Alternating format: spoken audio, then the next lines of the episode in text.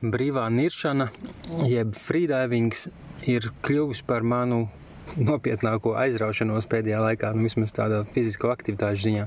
Freedivings ir būtībā līšana zem ūdens tikai ar niršanas brillēm, pleznām un ar vai bez trubiņas snorkelējumā trubiņa, elpojumā trubiņa. Un man ir izdevies uh, atrast pēdējo mēnešu laikā vairākas jaukas vietas, kur zem ūdens ir nevis tikai smiltis, bet visvisādi akmeņu veidojumi ar nišām, iedobēm, izciļņiem.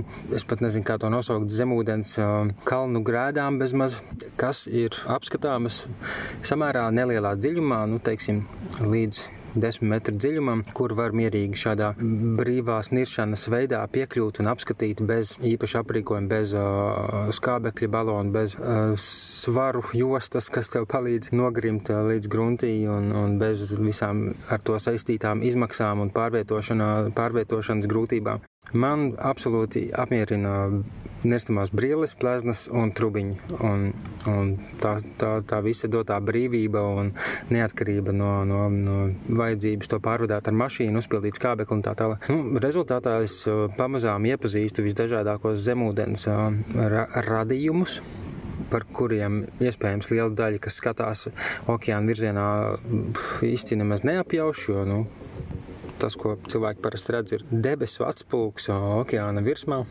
varbūt pašu atspūgs, un samērā maz mēs redzam, kas notiek apakšā. Mani ir tiešām absolūti aizrāvusi zemūdens pasaule, un ienirstot momentā visas maņas un uzmanība ir koncentrēta uz to, kas ir apkārt, un jebkuras kaut kādas bažas par ikdienas lietām, par nākotnes, par pagātnes lietām, tur kaut kādas skumjas vai, vai, vai sentiments vai kaut kas tam līdzīgs. Tas viss absolūti pazūd, jo tu esi šeit un tagad vietā zem ūdens, kur tev ir nu, varbūt pār, pārdesmit uh, sekundes laiks, jo skābeklis ir ierobežots, nu, ja vien tu nelieto trubiņu, snorkelējot pa ūdens virsmu. Un katrā ziņā tā pieredze ir ļoti, ļoti man iepatikusies iespēju robežās es cenšos palīdzēt zem ūdens. Ik reiz, kad vien ir tāda iespēja, kad ir mazliet brīvāka diena, kad nav kaut kas steidzami, neatliekami darāms, piemēram, jāveido jauns raidījums, jāsagatavo lekcijas skolēniem. Nu, tad es dodos uz kādu no savām iemīļotajām vietām vai, vai kādu mazāk iepazītu vietu, kur ir gana daudz visādu zemūdens klinšu un mazu iedobju un, un a, a, zemūdens nišu, kur visvisādi radījumi gadījumi bieži vien gan slēpjas, gan tūmā uzturās, un līdz ar to viņus ir vieglāk tur visapkārt pa, pavērot. Protams, ir jābūt samērā mierīgam okeānam, lielos viļņos diezgan bīstami būtu pa akmeņiem kāpt iekšā ūdenī vai mēģināt tikt laukā. Tāpat viļņu vēja gadījumā zem ūdens bieži vien redzamība ir ierobežota, jo, jo gan nogulsnis, smiltis ir sacelts gaisā un līdz ar to tāda bezmaz zemūdens migla. Bet nu, šeit gadās ļoti veiksmīgi, kad uh, pietiek tikai ar manām pleznām, brillēm un, un trubiņu, uh, lai es varētu ārkārtīgi daudz ko labi redzēt, turklāt pat uzfilmēt. Man ir tāds uh, telefona vāciņš, uh, kas īpaši piemērots zemūdens filmēšanai. Ceru arī drīzumā kaut ko ielikt zootēkas uh, sociālo tīklu lapās no zemūdens uzfilmētā. Nu, un vienu tādu dienu es jau biju kārtīgi noniries un noguris un nosalis, izlīdu krastā un redzu, ka turpat netālu otrā pusē Nu, mazāk kā 100 metru attālumā ir liels uh, jūras putnu bars. Nu, līdzīgi kā kājas, ir tādi vētras putni. Uh, kas pulcējas lielos baros un tādā reizēm haotiskā veidā viņi metas ūdenī un ķer visādas kaut kādas mazas zivtiņas. Un, cik es esmu lasījis, parasti tas nozīmē, ka zem ūdens ir kādi lielie dzīvnieki, varbūt delfīni vai tunči vai, vai kādas lielākas zivis vai kas, kas šos, šīs mazās zivis ir izdzinušas ūdens virsmas tūmā, jo tad ir vieglāk viņus nomedīt, noķert, bet to pamana arī šie ūdens putni, kas redz no augšas, ka tur notiek kaut kāda mazo zivtiņu ņudzēšana un līdz ar to kājām ir ļoti viegli šīs zivs arī noķert. Nu, tādu skatu ar tādu ņēgu, ņēgu ņudzēšanu virs ūdens un ūdenī es redzēju ārkārtīgi tuvu sev un sapratu, ka ar pleznām un brillēm un trubiņu es varētu diezgan ātri tur aizkļūt.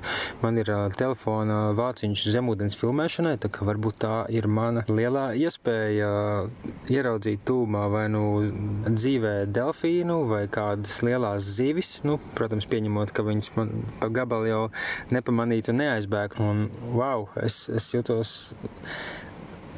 ļoti pacelāts. Nu, adrenalīns katrā ziņā strauji izdalījās organismā un biju sajūsmā par šādu ideju, bet es sapratu, ka no vienas puses man ir bail, jo es nezinu, kas tur zem ūdens būs un, un, un vai tas nevar beigties kaut kā neforši. Un otrs puses es sapratu, ka es negribu viņus traucēt. Tas, kas tur notiek, lai kas arī nebūtu zem ūdens, un tie putni un zivis, nu, tas, tas ir dabisks process, kurā mana klātbūtne vis, visticamāk to visu iztraucētu. Un, un tur labi, varbūt zivis būtu paglābušās, bet nu, barošanās būtu putniem un tiem zem ūdens potenciāli esošajiem dzīvniekiem būtu iztraucēta.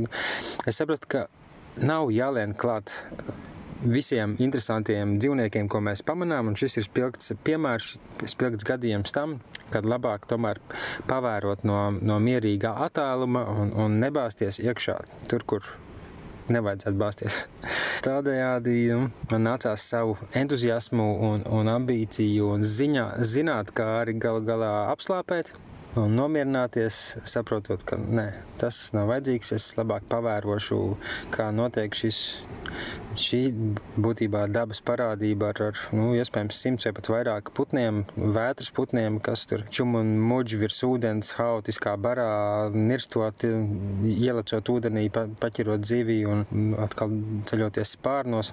Jā, par spīti tam, ka bija ideāli apstākļi, tomēr man likās, ka daudz svarīgāk ir netraucēt un mēģināt uzzināt par notiekošo citādi, un tad varbūt jau kādā citā situācijā būs skaidrāka bilde, kas tur notiek, kā uz to reaģēt un kā darīt tā, lai, lai, lai pašam ir mierīgi un lai es arī pēc iespējas mazāk esmu iztraucējis citus.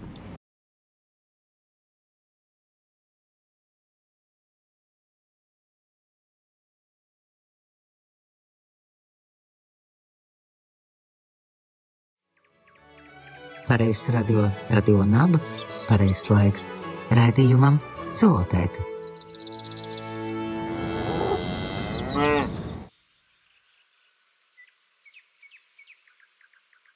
Sveiki, klausītāji! Laipni lūgti Zootēkā, Latvijas Radio 6, Latvijas Universitātes Radio Naba ēterā. Šis ir raidījums, kas veltīts dzīvniekiem, un to veidoju es, Sandris Ādminis. Šī raidījuma nosaukums ir Kanāriju putniņi, kukainīši un valīši, kas ir tāds panaivis veids, kā pieteikt, manuprāt, samērā nopietnas, interesants tēmas saistībā ar manis pieredzēto Kanāriju salās par uzzināto saistībā ar minētajiem kanāriju putniņiem, ar visādiem kukaiņiem, kas arī izrādās, ka ir bijuši zemniecībā noderīgi un ko mēs visi, es teiktu, esam ēduši. To pat neapzinoties, un mazliet arī par vaļiem, delfīniem un visādiem citiem radījumiem, par kuriem es esmu šo to uzzinājis un šo to arī pats redzējis. Tā kā par to turpmākās stundas laikā, bet pirms tam zooziņas. Šoreiz zoziņās Spānija aizliedz savais dzīvnieku izmantošanu cirkā. Iegūti līdz šim spēcīgākie pierādījumi, ka pandēmija sākās ar dzīvnieku tirgu Ķīnā saistībā ar jenotsuņiem. Un zinātnieki un dzīvnieku draugi ceļ trauksmi par pasaulē pirmo astoņkāju lielfērbu. Saskaņā ar jaunajiem Spānijas likuma grozījumiem saistībā ar dzīvnieku aizsardzību, cirka izrādēs vairs nebūs ļauts izmantot tādus dzīvniekus kā lauvas, tīģerus, ziloņus, lāčus, roņus un daudzus citus. Atsevišķos Spānijas reģionos jau iepriekš bija spēkā lokāli aizliegumi savai dzīvnieku izmantošanai cirkā, bet tagad tam pielikts punkts arī visas valsts mērogā. Pēdējos 20 gados daudzas valstis ir pieņēmušas šādus vai ļoti līdzīgus lēmumus, aizliegumus. Latvijā tas ir spēkā no 2017. gada. Turklāt vairākās valstīs nav atļauta arī jebkādu sugu dzīvnieku izmantošana cirkā, ne tikai savvaļas dzīvnieku. Nu, man arī šķiet, ka tā robeža nošķīrums ir tāds nu, aizdomīgs un varbūt nevisai labi pamatots. Manuprāt, nevienam dzīvniekam nevajadzētu būt izklaides objektam, uz kura rēķina pelnīt naudu. Noteikti arī ar laiku nonāksim līdz tādai atziņai, ka, lai, cil, lai cirks kļūst patiešām cilvēcīgs un lai vēsturē paliek arī vēršu cīņas, delfīnu šoviju un tam līdzīgas izklaides, kas notiek uz dzīvnieku rēķina Spānijā un citur. Otrā zoziņa par Ķīnu, par jenocuņiem, par Covid. Iegūti līdz šim spēcīgākie pierādījumi, ka pandēmija sākās ar dzīvnieku tirgu Ķīnā ģenētiskā materiāla analīzē, kas konkrētāk bija uztriepes ar koronavīrusa paraugiem, kas jau 2020. gada sākumā ievākts dzīvnieku tirgu Uhaņā, Ķīnā.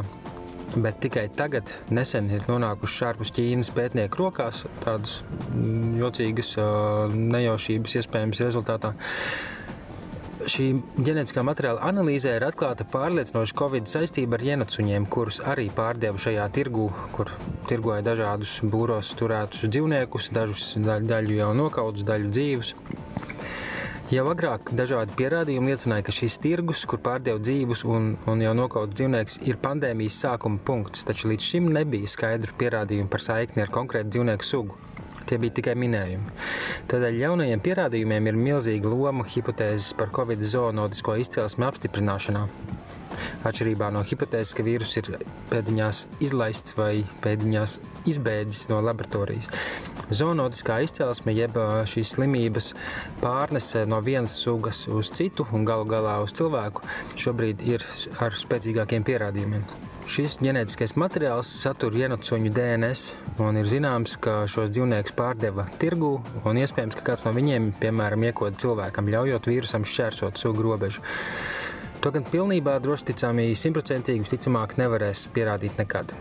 Bet nu, tā jau ir ar daudzām lietām, ka mēs varam tuvoties patiesībai, pat jau ne līdz galam absolūti pārliecināti.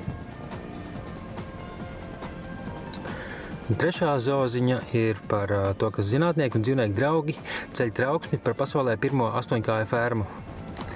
Tā tiek būvēta šobrīd Spānijai piederošajā Grankanārijas salā. Un tās plāns ir ik gadu izaudzēt miljonu astoņkāju gaļai, cilvēku pārtikai. Šie Dzīvnieki nekad nav audzēti intensīvās lopkopības apstākļos, un, un daļa zinātnieku arī šo astoņkāju plānoto nogalināšanu ar ledainu ūdeni ir atzinuši par nežēlīgu. Savukārt uzņēmums Nueva Peskanova, kas ceļ šo astoņkāju fermu, noliedz, ka astoņkāji cietīs. Astoņkājs, ko parasti ķer slazdos, murdos un uz āķiem, ēd uh, diezgan daudz, kur ir tīpaši ap vidusjūru, Āzijas valstīs, Latvijā. Tāpēc arī jau ilgi tiek meklēti veidi, kā šos neparasti gudros un izveicīgos dzīvniekus varētu audzēt masveidā, komerciāliem mērķiem, nu, kā tas tiek darīts ar, ar vistām, cūkām un dažādiem citiem dzīvniekiem, ko audzē fermās. Bet ar astoņkājiem tas ir sarežģīti vairāk iemeslu dēļ. Piemēram, dzīves sākumā viņi ēd tikai dzīvu barību un ir vajadzīgi īpaši apstākļi. Tāpat astoņkāji ir izteikti teritoriāli, viņi grupās labi nesadzīvo.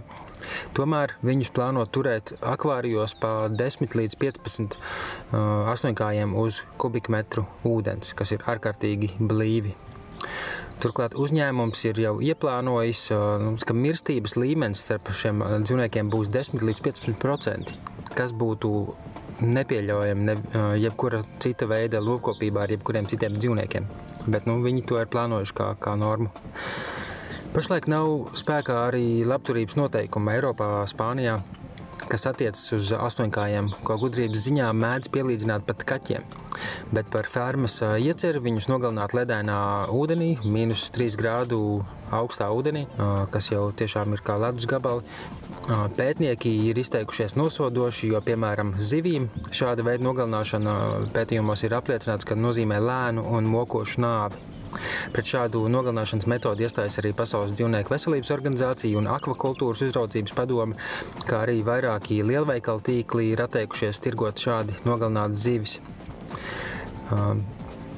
Organizācijas Eurogroup for Animals vadītāja Reineke Hamelers teikusi, ka Eiropas komisija šobrīd šajā sakarā pārskata dzīvnieku aizsardzības likumus, un tas dod cerību novērst ciešanas, nepieļaujot astoņkāju audzēšanu šādās intensīvas laukopības veidolā.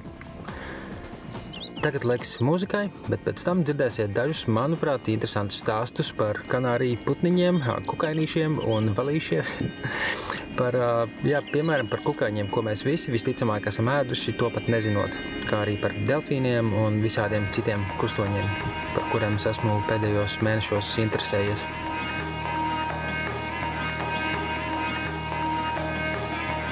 Raidījumu pilno versiju klausies Latvijas sabiedrisko mediju portālā LSM LV.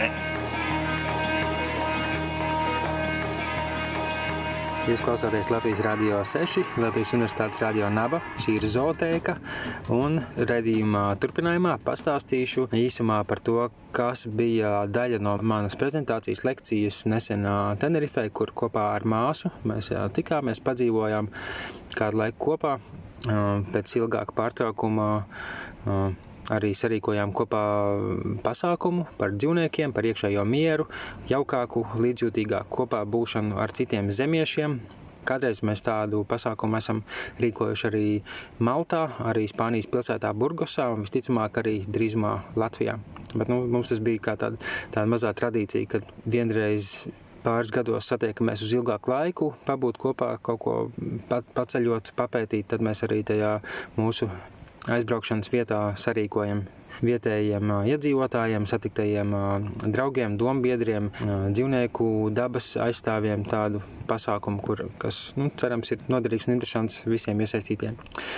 Nu, šoreiz es stāstīju par savu pieredzi un novērojumiem ar dažādiem dzīvniekiem Tenerifes un Grankanārijas salu dabā un arī nebrīvē, kalnos un okeānā, bet māsa Sabīne vadīja meditatīvu kluso apli, ko viņa ir darījusi jau vairākus gadus, dzīvojot Spānijā, ar fokusu uz, uz iekšējo mieru un, un mieru attiecībā vienam pret otru un, un kopīgu darbošanos, lai veicinātu līdzcietīgāku sabiedrību.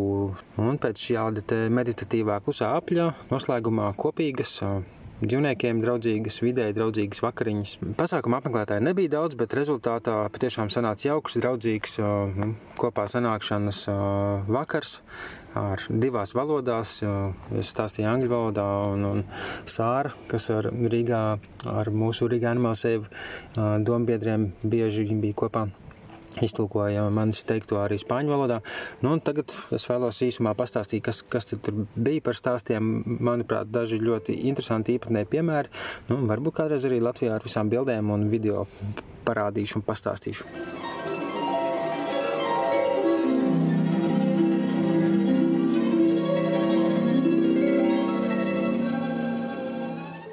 Stāstā par Kanārijas salu dzīvniekiem, manuprāt, fascinējošs ir jau fakts, ka nosaukumā parādās saikni ar dzīvniekiem. Un, nu, es domāju, ka daudzi iedomājas pirms kanāriju putniņu, bet patiesībā stāsts ir par suņiem. Latīņu valodā apzīmējums Kanārijai insulai nozīmē suņu salas.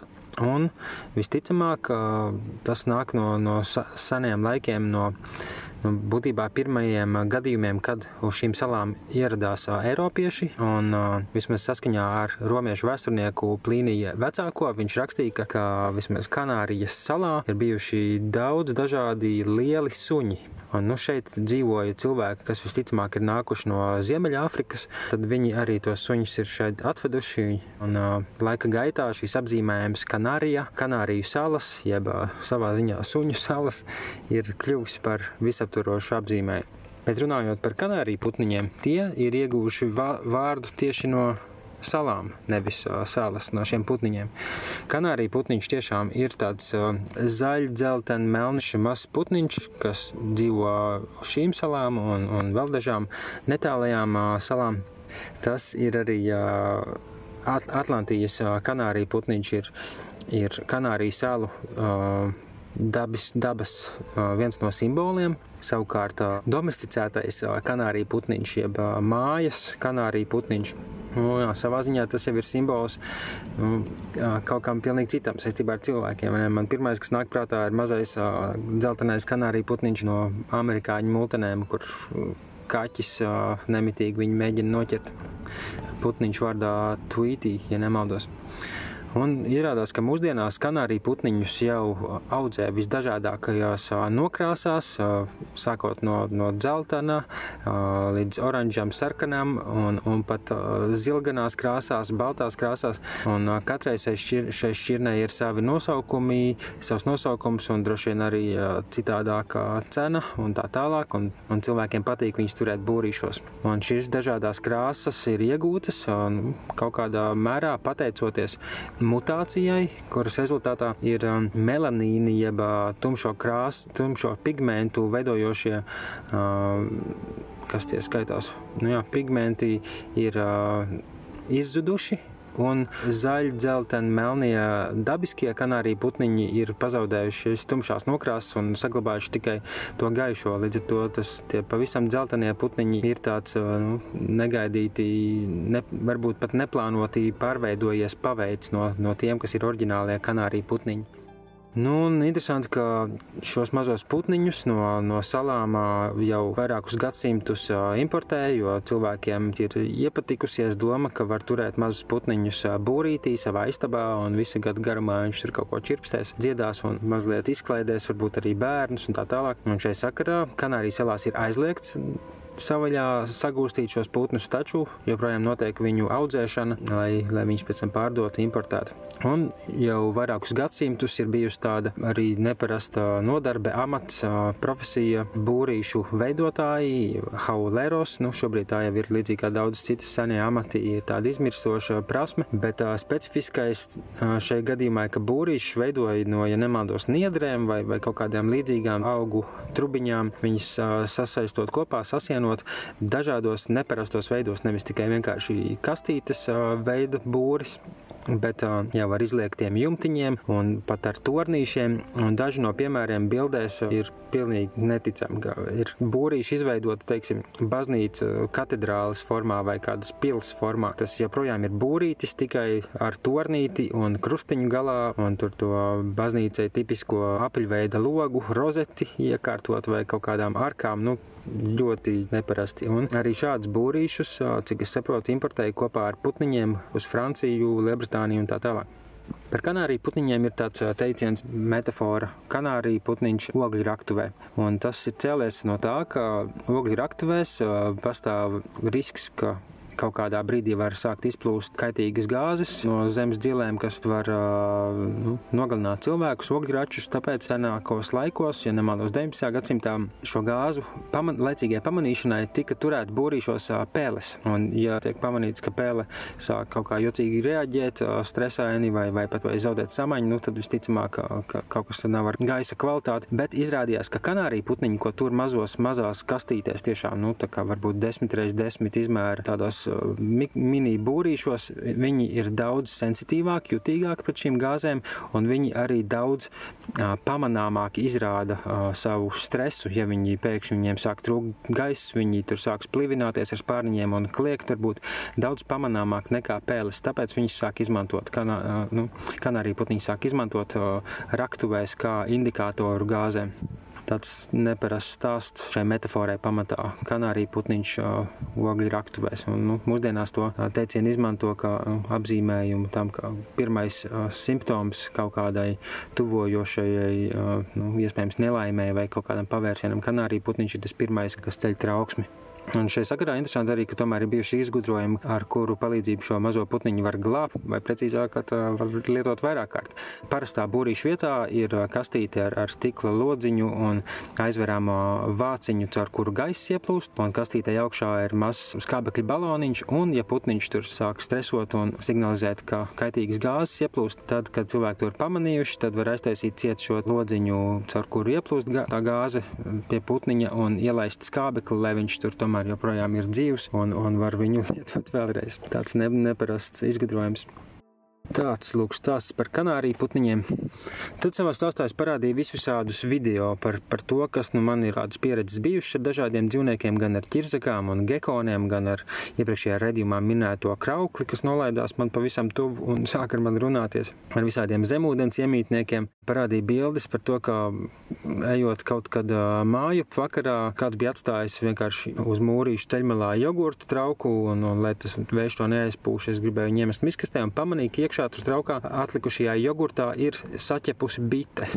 un es nolēmu viņu izsiksēt laukā, jo viņa joprojām bija dzīva, ārkārtīgi apķepusi, bet nu, pēc pāris reizes, pāris reižu aplaistīšanas ar ūdeni, viņa jau bija daudz tīrāka un jau varēja daudz aktīvāk uztēties. Man likās, ka labs darbs izdarīts, lai gan, protams, es nevaru garantēt, ka, ka viņai viss kārtībā, bet nu, tāda īpatnēja pieredze. Vēl es parādīju bildes ar ļoti dīvainiem jūras piekrastes moluskiem, jeb gliemežiem, kas ir pavisam neticamās krāsās, tādi nu, pavisam, es teiktu, 2-3 cm lieli, ar zaigojošu apmalīti. Viņiem gar, gar, gar ķermeņa malu ir tāda dzeltena zaļa josla. Pārējais ķermenis ir daļai caurspīdīgs, daļai ar baltiem punktiņiem, un ķermeņa vidū ir gliemežvāciņš, kurš arī ir krāsains. Vienam es redzēju zaļu, vienam es redzēju tā ar tādiem sarkanām līnijām, tā kā tāds tīkliņš pāri, un, un viņi paši arī tāda tā kā bezmaz mežģī, tāda želējā dīvaina mežģīne ar radziņiem. Es biju diezgan šokā, ka kaut kas tāds eksistē. Nu, mazliet psihedēlisks Pokemons vai kaut kas tamlīdzīgs.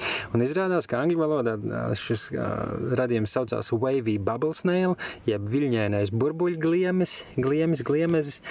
Un uh, turklāt pirms nedēļas vai nedaudz vairāk uh, šie te uh, Kanāriju salu gliemezīši tika pieteikti arī konkursam par starptautiskais uh, gada molusks, kā, kā viens no īpašām tām īpatnējām sugām. Diemžēl viņš saņēma tikai otro vietu, līdz ar to tur nesaņēma finansējumu kaut kādam DNS sekvencēšanai vai, vai, vai kaut kādām aizsardzības programmām, bet bija interesanti gan atrast šo radījumu, gan uzzināt vairāk, kas tas ir un ka tas tiešām ir kaut kas īpašs, kaut kas neparasts.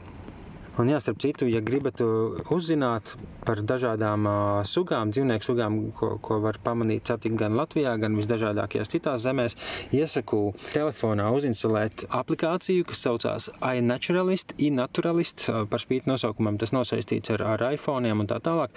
Tā ir aplikācija piesaistīta mājaslapai, kas ir liela datubāze ar dažādām sugām. Līdz ar to, ja jums ir bilde ar uh, kādu augu, sēni, uh, kukaini, dzīvnieku, putnu, kur var samērā labi viņu saskatīt, un jūs augšuplādējat šo attēlu, norādot arī, kur apmēram to redzējāt, tad ir diezgan liela iespēja, ka caur datu bāzi jums izdosies noskaidrot, kas tas ir par radījumu, kas tā par sugu, kāds tam ir nosaukums, redzēt vēl citu šīs aplikācijas lietotāju bildes un, un arī uzzināt vairāk, ko, tad, ko viņš ziemā ēd un kā, kā uzvedās iNaturalist ļoti vērtīga aplikācija iesaku. Tagad laiks muzikai, bet tad turpinu stāstus.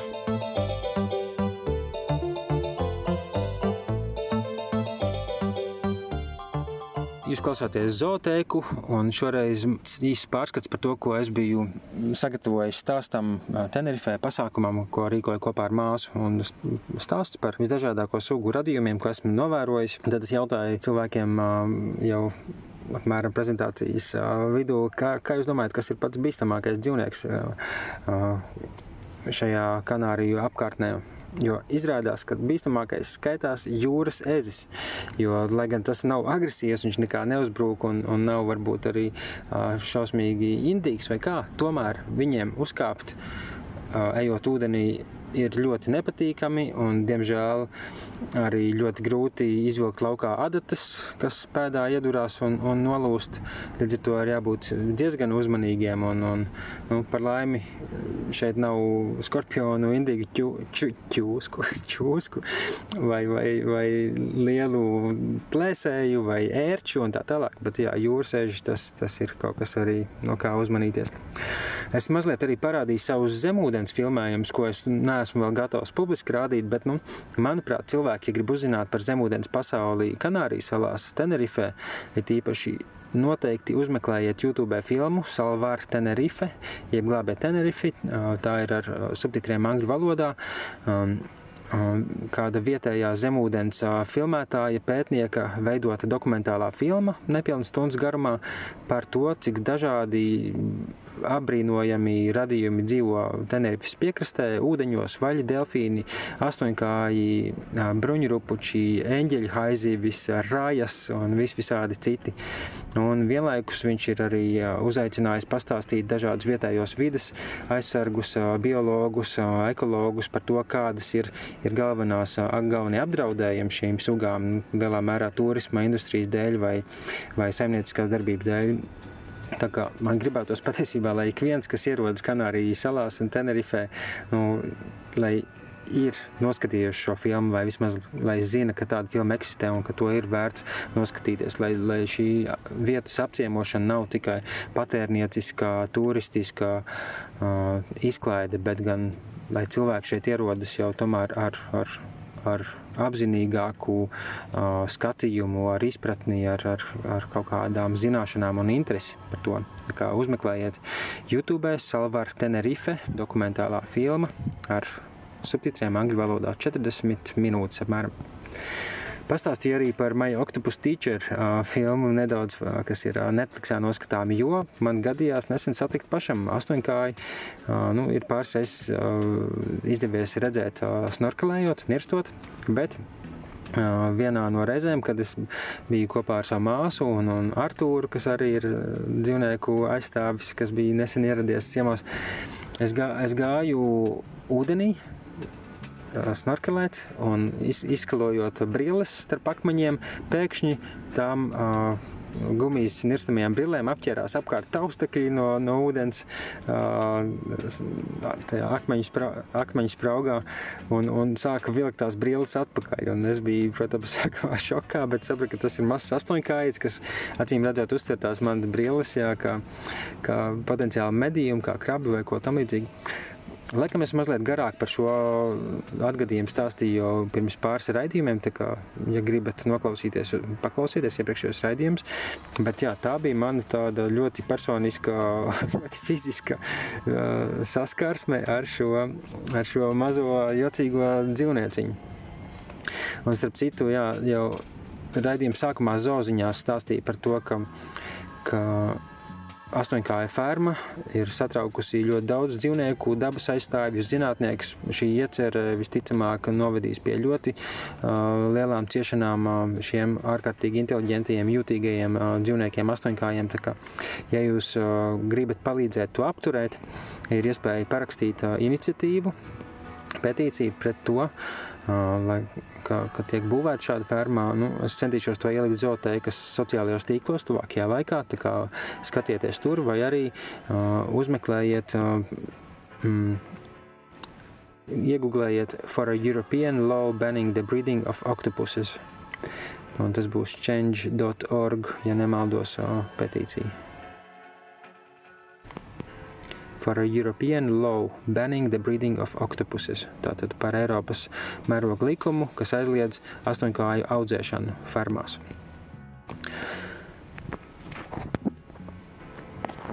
Vēl viens neparasts stāsts par iespējams mazākajiem radījumiem, ko es esmu vairāk pavērojis. Un dīvainā kārtā viņi sākotnēji pat neizskatās par, pēc, pēc dzīvniekiem, bet gan pēc pelējuma uz kaktusiem, arī reizēm uz platānu, jeb vietējo banānu koku, banānu palmu lapām. Reizēm ir tāda, tā kā tāda vates pikučī, tā kā tāds tiešām pelējums, nu, diezgan neglīts, neglīts skats, bet, kad paskatās tuvāk, izrādās, ka tie ir kukaiņu, kukaiņu kolonijas, kas, kas barojās no šiem augiem un, un nu, varētu pielīdzināt viņus lielām laputīm vai pat kaut kādā ziņā kolorādo vaboļu kāpuriem pēc skata. Un, uh, nu, pelējumam līdzinās, tāpēc, ka viņi ir tā tādi ar miltiem apbiruši. Bet izrādās, ka iekšā viņi ir spilgti sarkani, un tās ir tās augtās kočinēlas, ja precīzāk Meksikas košenils, kas latviešu valodā laikam saucās bruņutis. Tas ir tāds posmains kukainis, viens no ļoti seniem kukaiņiem, un viņi jā, dzīvo uz, uz šiem uz kaktusa sulīgajām lapām vai uz citiem augiem un sūc to sulu. Un līdz ar Amerikas kolonizēšanu Eiropieši pamanīja, ka tur pamatiedzīvotāji Meksikas apkārtnē iegūst ļoti spilgtu sarkanu krāsvielu tieši no šiem kukaiņiem. Ar laiku šī prakse izplatījās arī citur. Eiropieši to aizveda tā skaitā arī uz Kanārijas salām, un tā kādu brīdi kļuva par vienu no veidiem lielākajiem peļņas avotiem Kanārijas salās. Tika no kaktusa lapām kasīti nos šie savairojušies kukaiņi, ko pēc tam izkaltē, samaļ un iegūst ārkārtīgi spilgti sarkanu krāsu, ko pēc tam izmanto gan apģērba krāsošanā, gan, gan lūpu krāsas gatavošanā, gan gleznotāju krāsas gatavošanā, pārtikas krāsvielai, ko mūsdienās pievieno gan visādiem saldumiem un našķiem un dzērieniem sarkaniem un uh, jogurtiem un viss vis kaut kam. Tas ir uh, E120 krāsviela, dabiskā karmīna sarkanā krāsa. Uh, Um, ko izrādās iegūst no šiem kukaiņiem, no šo kukaiņu mātītēm, kuras tiek nokasītas un samaltas un pievienotas. Un ilgu laiku tas tiešām bija liels peļņas avots, grūts darbs, kasot pamazām pa nost, pa mazām čupiņām šos kukaiņus un, un izkaltējot. Līdz 19. Gada, gadsimta vidum tas bizness gāja uz urā, un tad izrādījās, ka var kaut kādos sintētiskos veidos izgatavot līdzvērtīgas krāsas, un, un tad šī kukaiņu vākšana izsīka, bet pēc tam 20 gadsimta 70. gados izrādījās, ka šīs sintētiskās krāsvielas, ko arī pievieno pārtikai, varētu būt saistīts ar, ar audzējiem, kaut kādām varbūt vēl citām veselības problēmām. Līdz ar to cilvēki aizvien vairāk sāka meklēt dabiskās krāsvielas, nevis šīs sintētiskās. Un, un līdz ar to šo kukainīšu vākšana un malšana ir atjaunojusies nu, ne tik ļoti, kā tas bija agrāk, varbūt, bet, bet jā, ja jūs redzat spilgti sarkanas krāsas končas vai, vai našķus, paskatieties sastāvā varbūt ir minēts E120, jeb karmīns, kas tiek iegūts no Meksikas košeniela kukaiņiem, kas tiek samalti. Un jā, šeit Kanārijas salās joprojām diezgan daudz, kur viņus var redzēt, jo viņi laikam dabā ļoti brīvi arī vairojās. Tagad laiks mūzikai, bet pēc tam turpinājums jau par vaļiem, delfīniem, vistām un visādiem citiem. Raidījumu pilno versiju klausies Latvijas sabiedrisko mediju portālā LSM LV. Stāsta turpinājumā es parādīju video, ko uzņēmu Grankanārijas salā, kad es tur viesojos un satiku dažādus vietējos dzīvnieku tiesību aktīvistus. Nu, tā ir tāda lieta, ko man patīk darīt. Visur, ja es kaut kur aizceļoju, cenšos izpētīt, kas tur ir vietējie, kas dara kaut ko līdzīgu tam, ko es daru, viņus satikt un izrunāt visādas mums kopīgi interesējošās lietas. Nu, šajā gadījumā devos kopīgā izbraucienā ar riteņiem, kalnos augšā un pa ceļam izrādās, ka vienā, vienā vietā starp kalniem tādā ielā ir izveidots zoodārs būtībā un atrakciju parks, kur bija ir redzams delfīnu šovs, ko mēs no augšas no ceļa varējām vērot un redzēt, kādā šaurā platībā tie 4-5 delfīni tiek turēti, nu, ņemot vērā, ka viņiem vajag milzīgas teritorijas ikdienā, kad viņi brīvībā pārvietojās. Un stipri līdzīgi ir arī Tenerifes salā, kur atrodas populārais Loro parks, jeb arī milzīgais zoodārs, kurā tiek turēti dzīvnieki lielā mērā cilvēku izklaidēšanai, ne jau lai, lai palīdzētu tikai atjaunoties dabiskajām sugām, bet nu, jā, cilvēki izklaidē ar delfināriju un ar, ar orku šovu. Orkas ir zobenvaļi, angliski killer whales, latviskot arī mēdz kā plēsoņu delfīnus vai nažspūras delfīnus, un, un viņi, nu, lai gan jā, angliski sauk, tiek saukti par vaļiem un arī zobenvaļas latviski, viņi taksonomiski, bioloģiski tomēr pieder delfīnu dzimtai. Viņi ir lielākais delfīnu dzimtas zīdītājs. Nu, ja Tas ir tas melnbaltais lielais, uh, lielais delfīns, kas kādreiz varbūt atceraties, bija tāda filma Brīvība Viljam. Tie, tie ir tie orkas. Un tādus tur arī, es nezinu, 4, 5 varbūt arī um, Tenerifes Loro parkā. Un, uh, nesen ziņās bija lasāms, tas bija pagājušā gada septembrī, pavisam tiešām nesen, 22. gada septembrī. Ka, uh, Pēdējo 18 mēnešu laikā trīs orkas, jeb šie uh, zobeni vaļi, ir miruši uh, Loro parkā. Visi trīs no viņiem bija jaunāki par 20 gadiem, kas ir nu, diezgan traģiski, ņemot vērā, ka šie dzīvnieki dabiskos apstākļos vai normālos apstākļos var nodzīvot līdz pat 80, 90 gadiem, bet šeit trīs gadu laikā nomiruši veseli trīs gabali. Nu, nebūtu brīnums, ka tas ir saistīts ar viņu ārkārtīgi ierobežoto dzīvesvidi, ar stimulu trūkumu un varbūt arī inbrīdingu, jo tuvradnieciska krustošanās, diemžēl, esot arī nu, diezgan ierasta lieta, jo, cik es zinu, viņus var sagūstīt savaļā nedrīkst, bet ja šādi te jūras atrakciju parki šovi grib tomēr turpināt to, kamēr tas vēl ir legāli atļauts, tad viņiem laikam nav citu variantu, kā vien pieļaut tādu tuvradniecisku krustošanos. Bet, nu, diemžēl tā nāk līdz komplektā veselības problēmas. Nu, tas ir atsevišķs stāsts, par ko varbūt ir vērts paskatīties filmā Blackfish. Tas ir gan par vienu ASV jūras atrakciju parkā dzīvojošo zobenvāli, gan arī, ja pareizi atceros, mazliet par tieši par Loro parku. Katrā ziņā, manuprāt, nevienam dzīvnieku draugam nevajadzētu atbalstīt vietas, kurās dzīvnieks izmanto kā, kā atrakciju līdzekļus, kā, kā izklaides objektus, un kur viņi tiek turēti šādas peļņas gūšanai ārkārtīgā šaurībā, nevis viņu pašu labumam. Un vēl viens stāsts, ko es padalījos savā prezentācijā, bija par saudzētavu Finka Arkādija. Un stāsts tur ir interesants. Saudzētavu tātad būtībā pansionāts dzīvniekiem, kas ir paglābti no kādām nelabvēlīgām situācijām, un tur viņiem tiek nodrošināts mierīgas, drošas, drošas mūža mājas, kur neviens viņus nekā tur ne, neizmanto, netur peļņai, bet nodrošina maksimāli viņiem labus apstākļus, ārstē, nevis sūta uz kautuvi pie, pie pirmajām veselības problēmām, ko nav izdevīgi palīdzīga ārstēt. Un šajā Finka Arkādija saudzētavā Pie viņiem bija nonākušas vairāk kā simts vistas. Uz lielceļa bija noticis negadījums, apgāzusies fūre, kas veida vistas no olu ražošanas fermas uz, uz kautuvi, jo vistas, diemžēl, līdzīgi kā visvisādi citi dzīvnieki, ar laiku zaudē savu uh, reproduktīvo uh, ražīgumu, tā teikt. Un, uh, ja es nejaucu, tad vistas apmēram vienu, divu gadu vecumā jau mūsdienu lielajās industriālajās fermās uh, nomaina pret jaunākām, kas dēļ vairāk olas. Lai gan patiesībā šīs vistas varētu nodzīvot līdz pat astoņiem gadiem, bet, protams, tāda vista, kas jau ir jau pāri pusmūžam, kur nu vēl jau tādā vecumdienu vecumā, nu, diemžēl peļņu īsti nenesīs, un, un likums atļauj viņus vienkārši visus nokaut un nomainīt ar jaunākām vistiņām, kas, kas des vairāk. Nu, un, un šādām te uz kautuvu vestām vistām savā ziņā paveicās. Diemžēl daudz gāja bojā un cieta visādi savainojums šajā avārijā uz ceļa, bet dzīvnieku aizstāvjiem izdevās iegūt atļauju ka šīs vairāk nekā simts vistas viņi paņem pie sevis. Un, un tā nu viņas tur jau dzīvo vairāk kā trīs gadus. Diemžēl nu jau ir puse, mazāk nekā puse palikusi no sākotnējām, apmēram 45. Jo nu, viņas pamazām tomēr nomirst dažādu veselības problēmu dēļ.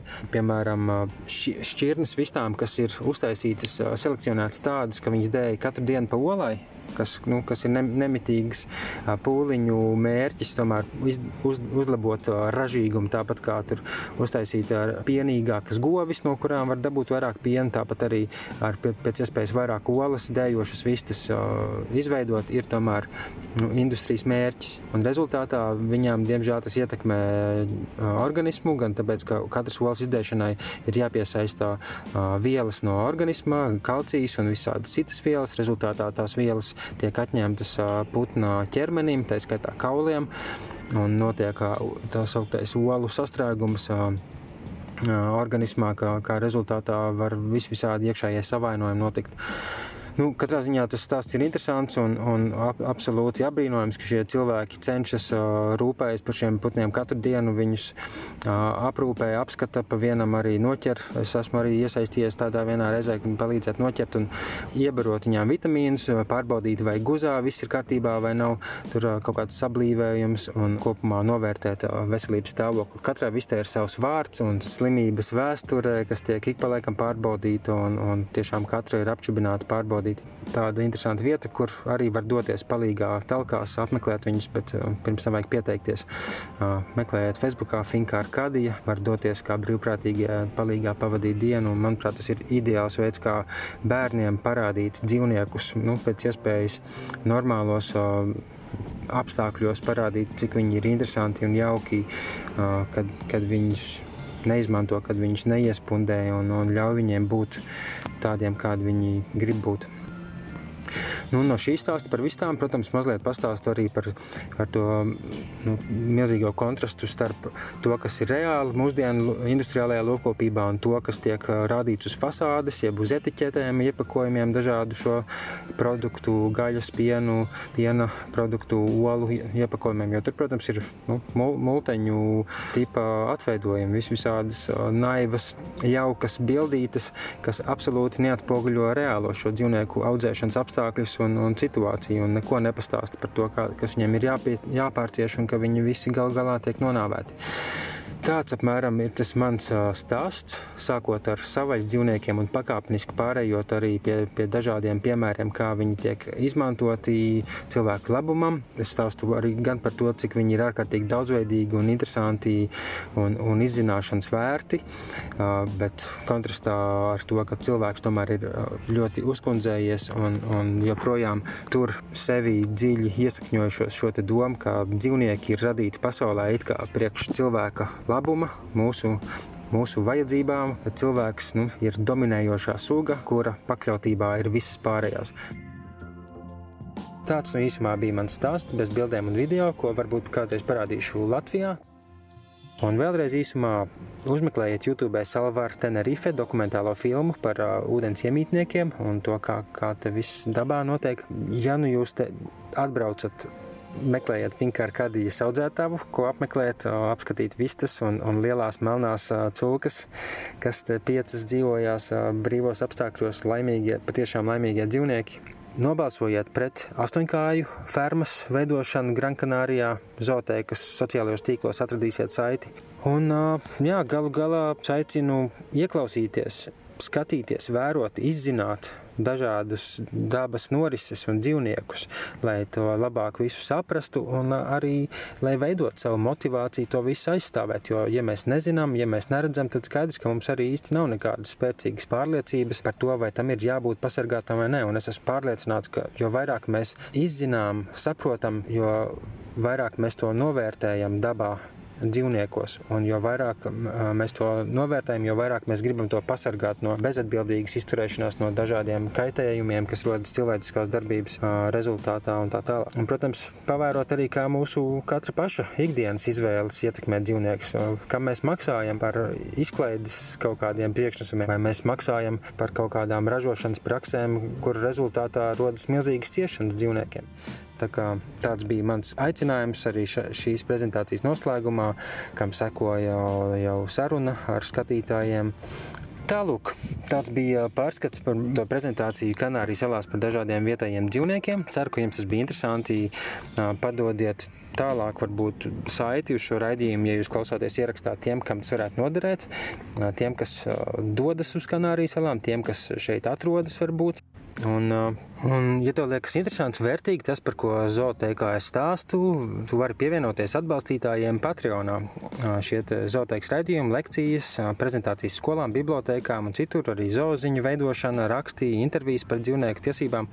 To visu es veidoju aiz dziļas pārliecības, ka, ka tas ir jādara, ka dzīvniekiem ir vajadzīga šāda palīdzība, caur izglītību, caur tādu miermīlīgu informēšanu. Es to gribu darīt un redzu, ka sabiedrībai ir interese par to, ka mēdījiem par to ir interesi, un tādējādi es arī pats no, jūtos noderīgs sabiedrībai. Ja tu vēlēsies atbalstīt šo manu aktīvismu, to var izdarīt ar ziedojumu Patreon.com kolektīvās ziedošanas lapā, uzstādot kaut vai vienu eiro pārsūtījumu mēnesī. Nu, to var izveidot automātiski tā, ka tu to vienreiz izdari un pēc tam katru mēnesi man pārsūtās. Un, uh, tas man ļoti palīdz uztvert šo zootēkas lietu kā nopietnu nodarbošanos, kam veltīt var katru dienu. Šoreiz vēlos īpaši pateikties šiem pieciem atbalstītājiem - Selgai Rimšai, Mārtiņam Mičulim, Annai Vilnītei, Snorem Svensonam un Agnesei Mūrniecei. Sirsnīgs paldies, ka jūs novērtējat manu darbošanos. Ja arī tu vēlēsies pievienoties Zoteiks atbalstītājiem, tad patreon.com meklētājā ierakstīja manu vārdu Sandris Adminis, un tur arī uzzinās visu info. Ja vēlaties, ir iespēja atbalstīt arī caur PayPal. Mana e-pasta adrese ir sandris.aa.gmail.com. Paldies, paldies, paldies! Iepriekšējos zooteiks ierakstus meklējiet arhīvos, Latvijas sabiedrisko mediju portālā LSMLV, Spotify, Apple podkāsts un citur. Ja vēlaties lasīt plašāk par redzījumā dzirdētajām zooziņām, piedalīties diskusijās vai ieteikt noderīgu saturu un idejas, meklējiet zooteiku sociālajos tīklos, un es arī priecāšos par jebkādām atsauksmēm, ieteikumiem raidījumu uzlabošanai. Nākamais raidījums skan pēc divām nedēļām, bet nākamā nedēļas sestdienas pusdienlaikā klausieties raidījumu Nezāle par vidi cilvēkā un cilvēku vidē. Paldies, ka klausījāties un lai skaists pavasars! Un, jā, saudzējam sevi, saudzējam viens otru un neaizmirstam pasaudzēt arī pārējās būtnes. Atā.